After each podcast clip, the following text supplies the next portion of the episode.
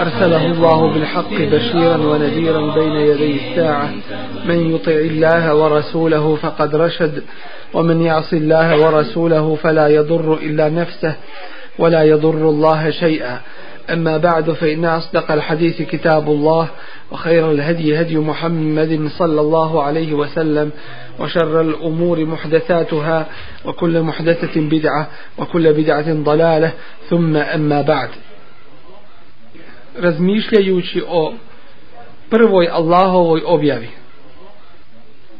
Iqra bismi rabbika alladhi khalaq. Uči u ime tvoga gospodara koji stvara. Dužnost nam je razmisliti i zamisliti se o jednoj vrlo važnoj obavezi muslimana a to je obaveza islamskog šerijatskog znanja. Znanje to je jedna šerijatska dužnost, obaveza i nužnost. Ilum i znanje islamsko je od nužnih koristi koje su potrebne ljudima i bez kojih se ne može živjeti od onih nužnosti na kojima opstoji život i ne može red u životu ostati ni opstati bez ispravnog znanja. Kada ilum islamski zauzme svoje mjesto koje mu pripada, onda će biti obezbijeđen ovaj islamski ummet od fesada, od nereda koji nas je zahvatio. Od neznanja, džehla, od nerada potom po znanju, od napada na islam, od neprimjene šerijata islamskog zakona, od nepoštivanja vjere i tako dalje kaže imam šatibi da čuvanje ovih nužnosti koji, kojima opstoji život biva sa dvoje. Prvo, da se uspostavi to, a to jeste da islam da islamsko znanje oživimo i drugo da ga sačuvamo od propadanja i nestajanja. Zašto je islamsko znanje jedna nužnost šarijatska? Kao prvo, kao što imamo potrebu za jelom i pićem i potrebu za ovim dunjalučkim nužnostima, isto tako mi veliku potrebu imamo za islamskim znanjem. Jer njime postoji i obstoji i din i dunjaluk. Kao drugo, oni koji su okupirali muslimanske zemlje, okupirali su ih između ostalog i zbog toga što se među muslimanima proširio džehl, neznanje, pa su vrlo lahko uspjeli da muslimanima ovladaju. Kao treće, među muslimanima su se proširila razna vjerovanja koja su daleko od islama. Tako da se ovaj ummet podijelio na frakcije i na razna vjerovanja. Pa nas je to oslabilo a upravo zbog toga što nedostaje ovaj pravi ilum, ovo pravo znanje. Pa ako ummet se ne opasa i ne učvrsti pravim islamskim znanjem, zasigurno da im njihov polet i žar i želja za radom neće koristiti već će to vremenom slabiti, slabiti dok u potpunosti ne nestane. Tako danas vidjet ćemo na mnogim mjestima da se muslimani pokušavaju organizovati u džemate. Ali u većini slučajeva vidimo da im nedostaje pravo istinsko šarijatsko znanje. Jer samo organizovanje nije dovoljno. Isto tako sa druge strane vidjet ćemo da se olako fetve daju. I da se lahko priča o Allahovoj vjeri. Oni koji ne imaju islamskog šarijetskog znanja. Da li može, postavimo jedno pitanje, da li može čovjek koji nije dolazio u doticaj sa gradnjom kuća, niti je učio školu za inženjera, da li mu je u mogućnosti napraviti jednu zgradu koja će valjati i koja će obstati, nije u mogućnosti. Možda će nešto i napraviti, ali to će sutra se vrlo lako srušiti. Ko što vidimo, zgrade u Turskoj i na drugim mjestima svakako urađeno i svakako građeno. Pri prvom naletu ruši se. Tako je i sa vjerom.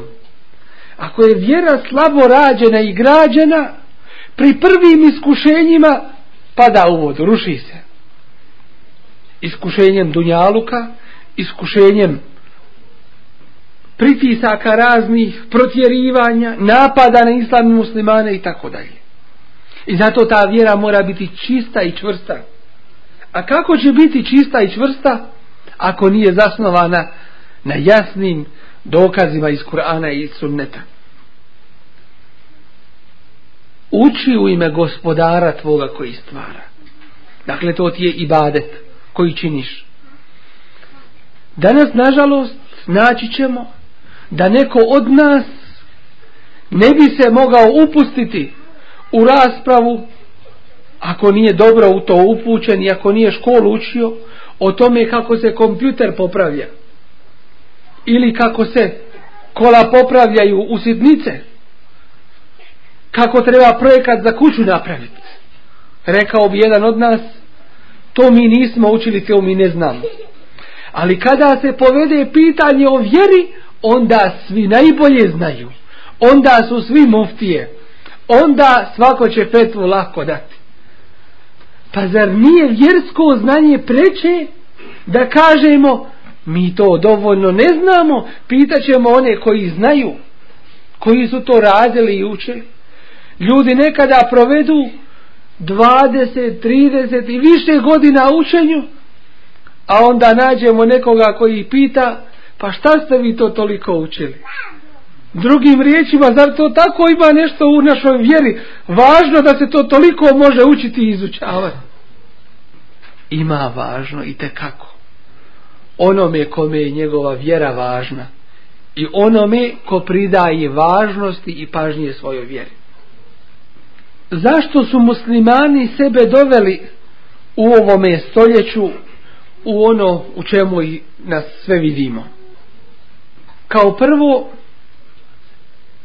Mesđid je u mnogo slučajeva i džamija izgubili su onu svoju ulogu u društvu koja im pripada.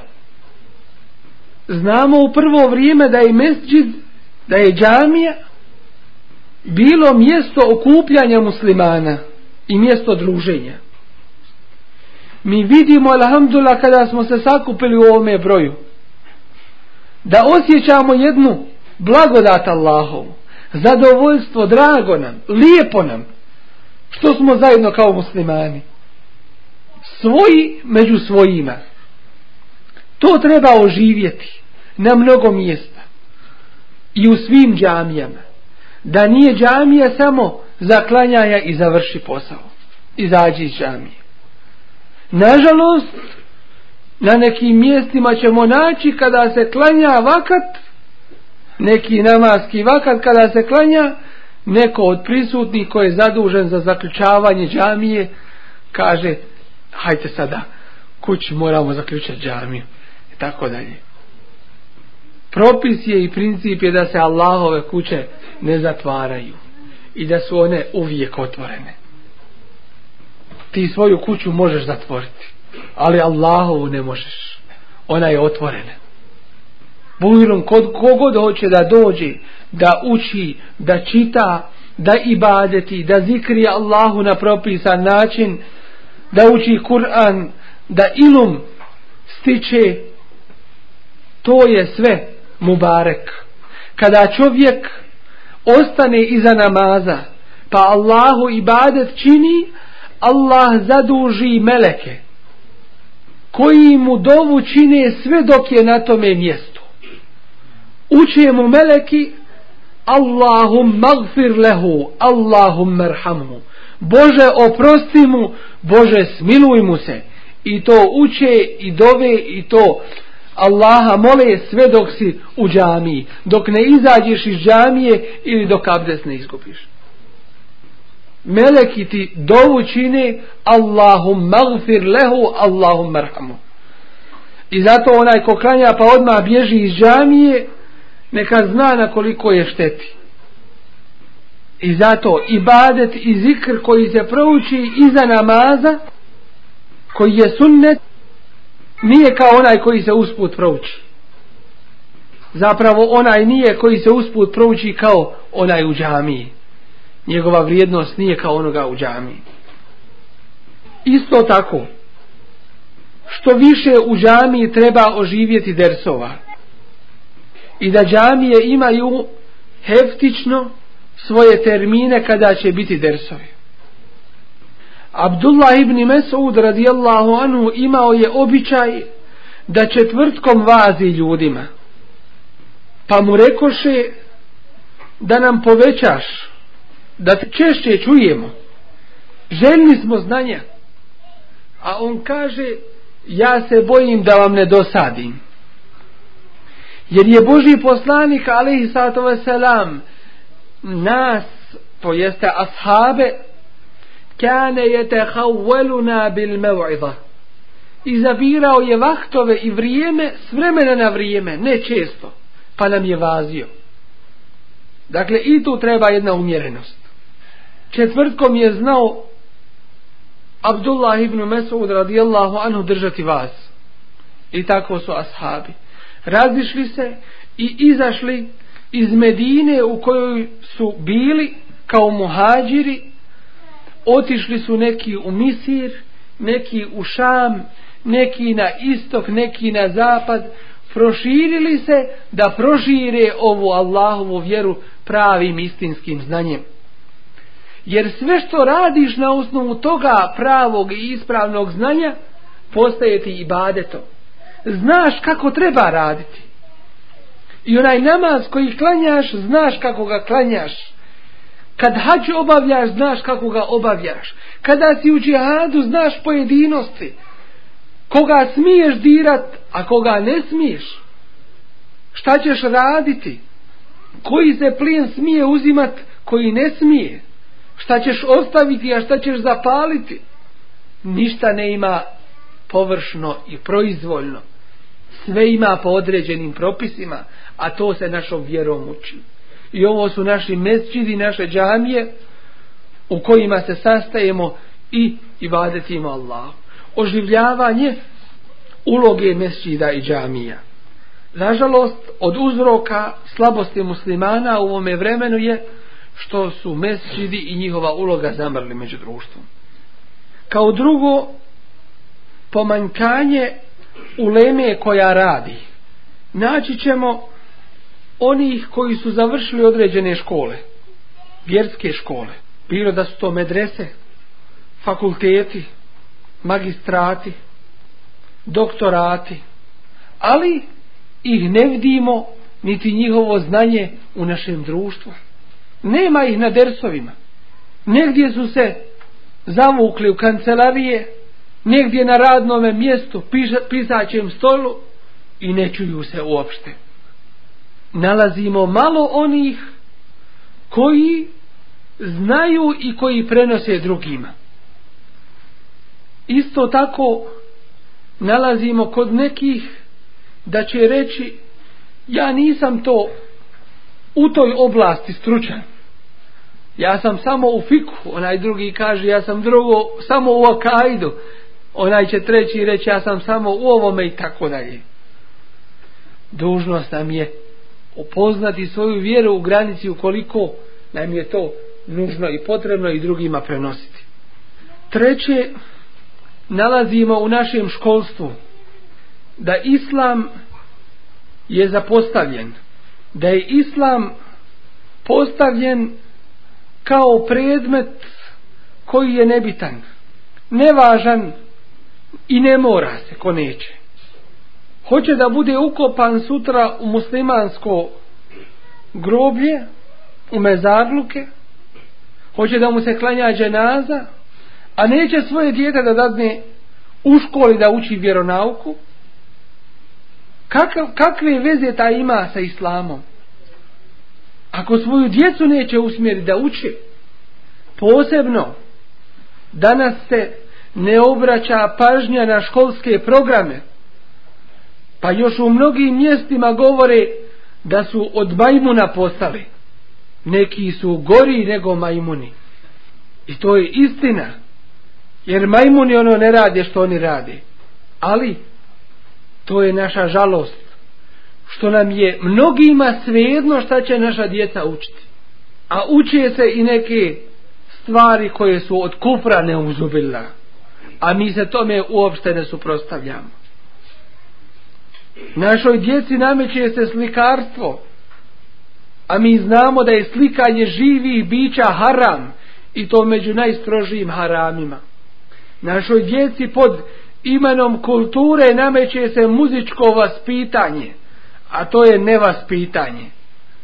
Jer ako kažemo muzičko vaspitanje znači da su naši predsi, i oni prvi i oni najbolji i ashabi Resulullah selam i Allahovi poslanici i vjerovjesnici koji nisu učili to muzičko vaspitanje da su ne uzubila nazadni po tome a mi smo vaspitani u tome pogledu i niko se ne buni i svi su zadovoljni ko da smo sira čupriju prešli a vallahi ćemo odgovarati za svoju djecu i mješovite škole i djeca koja se šalju u takve škole i djevojke i djevojčice koje su nepokrivene i idu u takve škole i oni koji predaju u takvim školama bit ćemo odgovorni i pitani za to židovi imaju svoje škole kršćani imaju svoje škole jesmo li mi gori od njih ili mi manje priznajemo svoju vjeru nego što oni svoju priznaju ne vjeru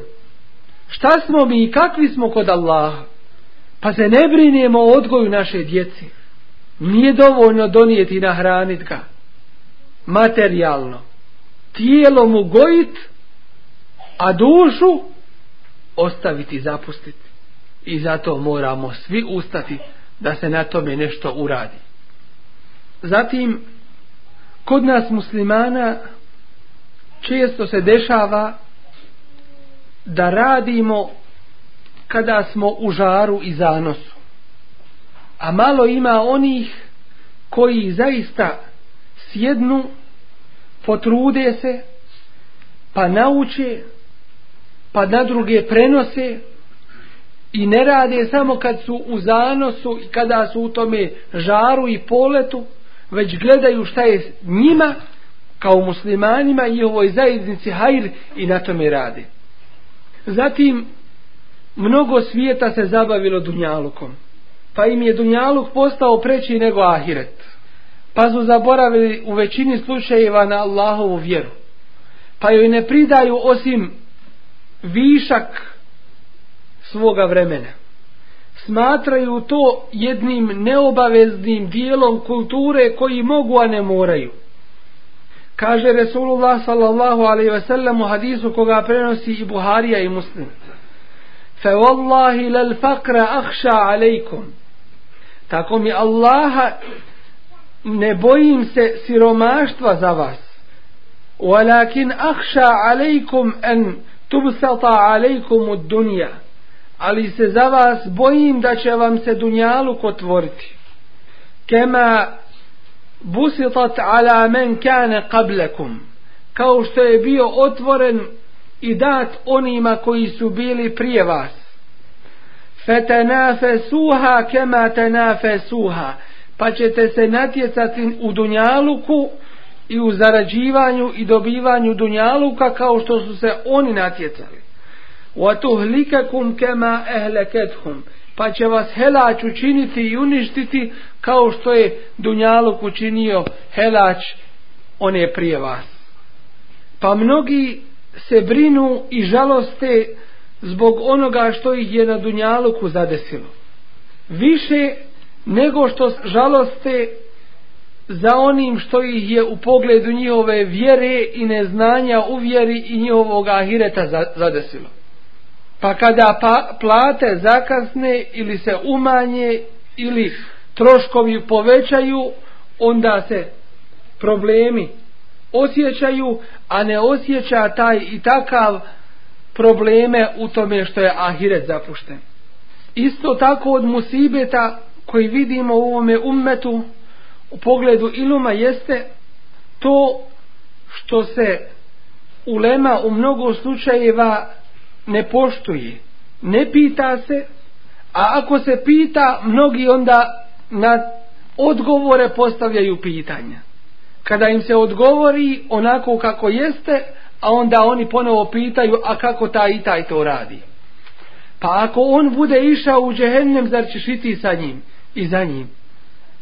I zato od uzroka neznanja u ummetu jeste nepoštivanje iluma i nepoštivanje alima u onome što se govori ljudima i prenosi.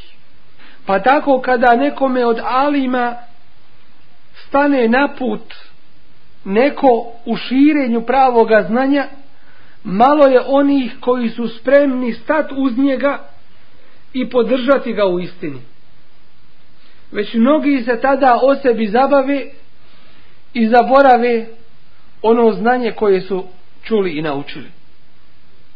Isto tako, kada uporedimo jednog alima u islamu i u šerijatu, jednog ljekara i doktora.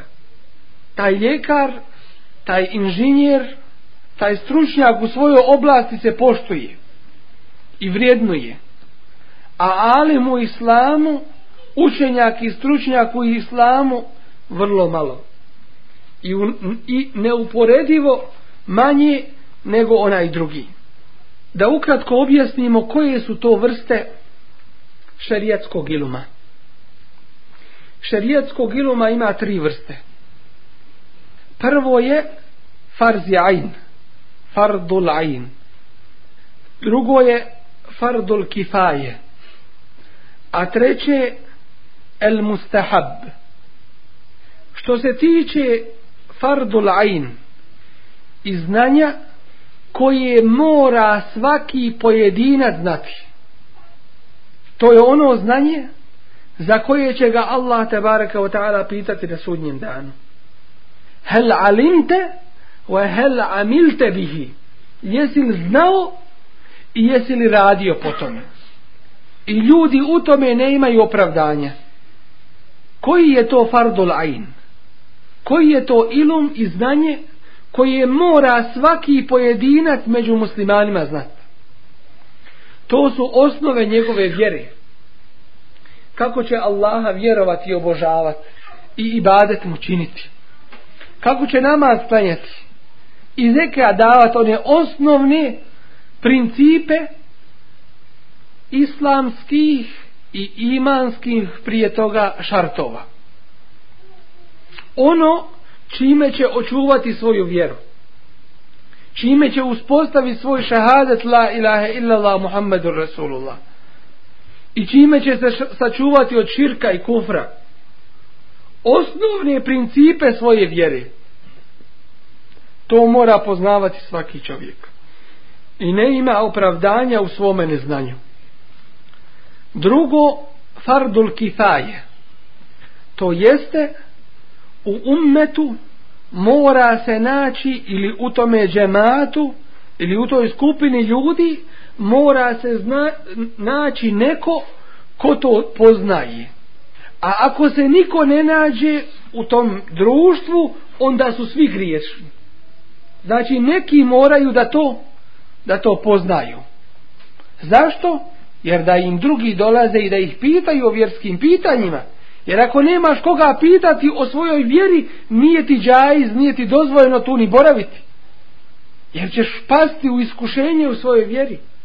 I moraš imat nekoga koga ćeš pitati. Od tih pitanja, znanja koje je farzi kifaje, jeste da se uspostave vjerski propisi koje svako ne može poznavati među ljudima, ali ih poznaje ulema i oni koji su učili to i koji su saznali od drugih. Pa kada jedni saznaju, sa drugih spada obavez i odgovornost. I tu se ispunjava kuranski ajet fes'alu ehle zikri in kuntum la ta'lamun. Pitajte vi one koji znaju, ako vi ne znate. I kao treće, el mustahab, ilum koji je mustahab, lijepo da se zna. A to je, da se ulazi u preciznosti pojedinih islamskih nauka. To jeste da imamo stručnjake specijalizovane u pojedinim naukama koji poznaju pojedinosti njihove. Tako to je lijepo da se zna da bi se moglo šarijatsko znanje dalje proširiti na osnovu tih preciznih šarijatskih znanja dokaza. Postavlja se pitanje šta je sa naukom mimo islamske nauke, mimo čisto šerijatskih islamskih nauka. Na primjer, neko ko izučava medicinu, neko uči za inženjera, neko uči u ovoj i u, u onoj oblasti. Kakav je propis toga učenja. Da li se i to smatra ibadetom i da li ima sevabi od toga? Jer neki smatraju i kažu mi ne znamo imamo li sevaba od toga. Pa kada uči medicinu, mjesto da završi za 4-5 godina, on se provlači i uči 10 godina.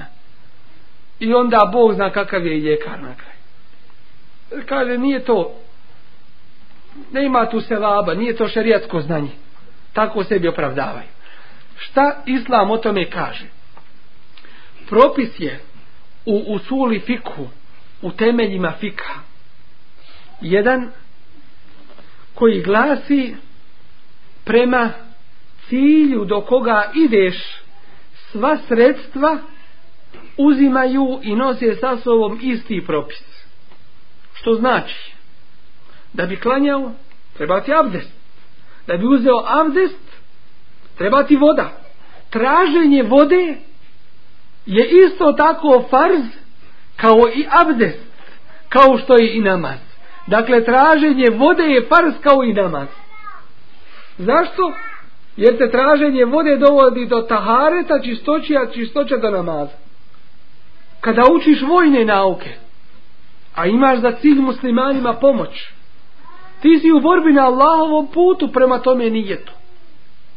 I onaj ko iskreno Allah, od Allaha šehadet traži i da bude šehid na Allahovom putu, Allah će mu dati stepen šehida, makar preselio u svoje postelje. Prema nijetu. Pa uči vojne nauke. Ona inženjer. Studira i prvak je u tome, da bi mogao graditi muslimanima i od koristi biti muslimanima, pa mu i to bude ibadetom. Ova je ljekar. Muslimanima pomaže u liječenju s Božijom pomoći. Olakšava im teškoće dunjalučke. Ranjenike zna im šta će sa njima raditi i tako dalje. I bilo ko da radi u nečem drugom. A Allah Allah subhanahu wa ta'ala voli kada neko radi neki posao da ga uradi kako treba s tim što taj nije izuzet od onoga osnovnog znanja o svojoj vjeri o Allahu Đelešanu o imanskim islamskim šartovima i onome čime će se sačuvati od kufra i širka i unafik luka dakle sve druge nauke mimo čisto islamske nauke ako se uče u ime Allaha dobivaju isti hukum i isti propis šerijatski kao i taj cilj ako želi muslimanima time da pomogne ima seba od toga studiranja i od toga učenja s tim što treba napomenuti da je Resulullah sallallahu alaihi wasallam u svojim hadisima govorio Allahumme inni e'udhu vike min ilmi la jenfa Bože, ja te molim da me sačuvaš od znanja koje ne koristi. Dakle, ima znanja koje ne smijemo učiti, koje je haram, a ima znanja od koga fajde ne ima.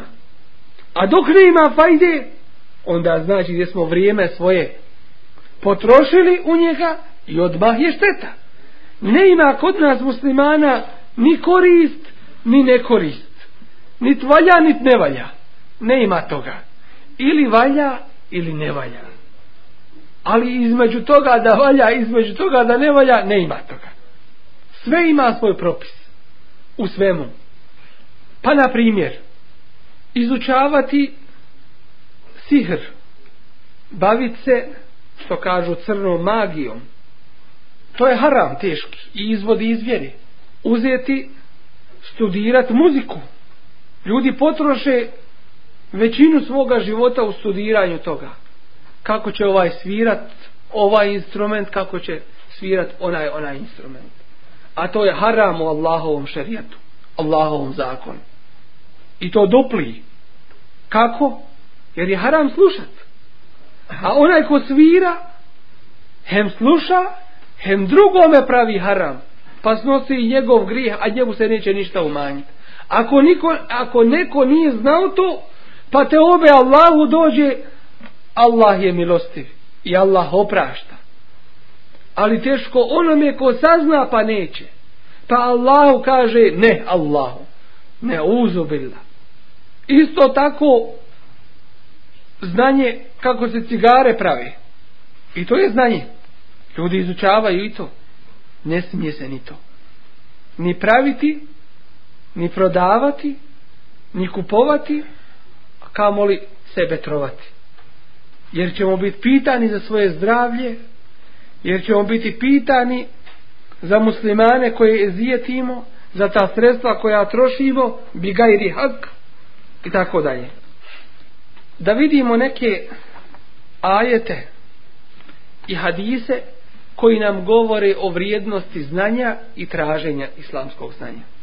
Kao prvo kuranske riječi, stavidu billah, wa kur rabbi zidni ilma i reci o vjerovjesniće o Allahom poslaniće ali i sad vaselam Bože povećaj mi moje znanje dakle Allah Đelešanu kaže pejgamberu Muhammedu ali sad vaselam da u dovi spominje Bože povećaj mi moje znanje dakle i mi to trebamo kad on kao vjerovjesnik to u dovi čini kako je onda tek sa nama Dakle, moliti Allaha da nam znanje naše poveća. Kul hel jeste u illedine ja'lemune u illedine la ja'lemune. I reci, jesu li isti, mogu li se izjednačiti oni koji znaju i oni koji ne znaju. Jerfa illahu alladina amanu minkum walladina utul ilma darajat. Allah diže one koji vjeruju od vas i kojima je dato znanje na visoke stepene. Innama jahša Allahe min ibadihi l'ulema. Samo se Allaha istinski boje, boje oni koji znaju. Koji su istinska ulema, koji su saznali Allahovo Allahove propise, Allahovu vjeru i rade po tome koji su spoznali Allahovu veličinu. Od riječi Resulullaha alaihissalatu wassalam Men yuridillahu bihi khairan yufaqihu fid din. Kome Allah hoće dobro, dadne mu te nauči propise vjere. Hvati vjeru. Dadne mu fik u vjeri. Razumijevanje vjere. Šta to Allah od njega traži? ne uzme pa sebi vjeru prilagođava. Bože, ovo hoću, a ono neću. Ovo mi odgovara, a ono mi ne odgovara. Ovo ću prihvatiti, a to neću. Ne. Efe tu uminuna bi ba'd il kitabi wa takfuruna bi ba'd. Hoćete li vjerovati u jedan dio knjige, a drugi ne vjerovati? Ne može tako biti. Kom je Allah hoće dobro, dadne mu razumijevanje vjere. Ovaj hadis je mu tefakun alaih prenosi ga i Buharija i Muslim. Kaže Resulullah alejhi selam, "Belligu anni walau aya." Prenesite od mene makar to bio jedan ajet. Ovaj hadis prenosi Buharija. I kaže: "Men seleke tariqan yaltamisu fihi ilman, sahala Allahu tariqan ila al-jannah." Onima koji hoće džennet, koji traže džennet ko se uputi jednim putem tražeći znanje i nauku islamsku, Allah mu olakša put do dženneta. Treba se potruditi, treba nastojati. Odredi sebi vrijeme. Ako ne znaš učiti u Kur'anu, to nije teško naučiti. Vremenom, za mjesec, za dva, ako Bog da inša Allah, trudom i dolaskom na halke Kur'ana, naučit ćeš lijepo učiti Kur'an. Zatim, odredi sebi vrijeme za čitanje i saznavanje novoga. Ako čuješ negdje ders, neka si prvi tu, dođi. Ako si propustio taj ders, potraži koga je snimio pa preslušaj to. I to više puta da ti se ureže u mozak, u pamćenje. Božji poslanik, ali sad sam znao je nekada dva ili tri puta ponoviti neku rečenicu da bi je ljudi lijepo shvatili i razumijeli. Uzmi knjigu, korisnu, pa odredi sebi vrijeme za čitanje svaki dan koliko bilo. I onda ćeš vidjeti za mjesec dana da si pročitao tu knjigu. Pa za određeno vrijeme da si dosta tih knjiga pročitao i da si dosta znanja sakupio. A sahabi, Božijeg poslanika, ali sad sam znali su mjesec dana putovati iz jednog mjesta u drugo da bi saznali samo jedan hadis. A mi sada u toplom, u vrućem siti imamo hadisa na jednome mjestu. I to na stotine, na hiljade hadisa. Zar je jednom od nas teško u dobro da čita i potom i radi. I opet ako neko uradi to i pročita, kao da kaže Allahu ja sam dobar ja sam uslugu ovoj vjeri učinio ja sam nešto postigao šta smo mi prema onim generacijama priješnji i kaže Resulullah sallallahu alaihi ve sellem ovaj hadis prije citirani se prenosi u muslimu kaže Resulullah sallallahu alaihi ve sellem u isto muslimovom prenošenju Iza mate vnu Adame in kata ameluhu illa min thalaf. Kada umre čovjek prekidaju se njegova djela. Osim u tri situacije. Prvo sadekatin džarije ko ostavi iza sebe vakuf i neki hajrat pa mu se piše i iza njegove smrti ostavi kuću za medresu je timima vakuf da stanuju siročad uvakufi svoj imetak i dadne da se od njega štampaju knjige i da se širi da se učenicima i onima koji su na Allahovom putu pomaže i tako dalje ostavi imetak uvakufi imaće i za toga hajra i nakon svoje smrti drugo evo ilmin jun bih ili ostavi iza sebe ilum znanje kojim se ljudi koriste to će ti dolaziti seva od toga i nakon tvoje smrti. I treće, e veledin salihin jede ole, ili dobro dijete odgojeno koje mu dovećini svome roditelju. Dakle, i taj će imati sevaba i nakon svoje smrti, kada mu bude najpotrebniji. I ovaj hadis prenosi muslim. Isto kaže Resulullah sallallahu alaihi ve sellem u hadisu koga prenosi Ibn Mađa Hasan je hadis u kome kaže talebul ilmi faridatun ala kulli muslim tražiti znanje je farz svakome muslimanu je dužno svakom muslimanu neki kažu i muslimanki ali taj rivajet ne postoji nego hadis glasi tražiti nauku je farz svakome muslimanu muslimanu. Normalno i muslimanki to se podrazumijeva. Ali u hadisu taj izraz nije naveden. Pa se treba pridržavati hadisa. Dakle, tražiti nauku je far svako je muslimanu, a podrazumijeva se i, i muslimanki. I kaže e dunja mel'une dunjaluk ne ima hajra u njemu. Dunjaluk je proklet. Mel'unum ma fiha i prokleto ono što je na njemu illa zikrullahi ta'ala osim spominjana uzvišenog Allaha žele šanuhu wama walahu i što je u tome wa alimen wa muta'allimen i onaj ko zna i onaj ko uči ko se trudi i nastoji da nauči u tome je samo hajr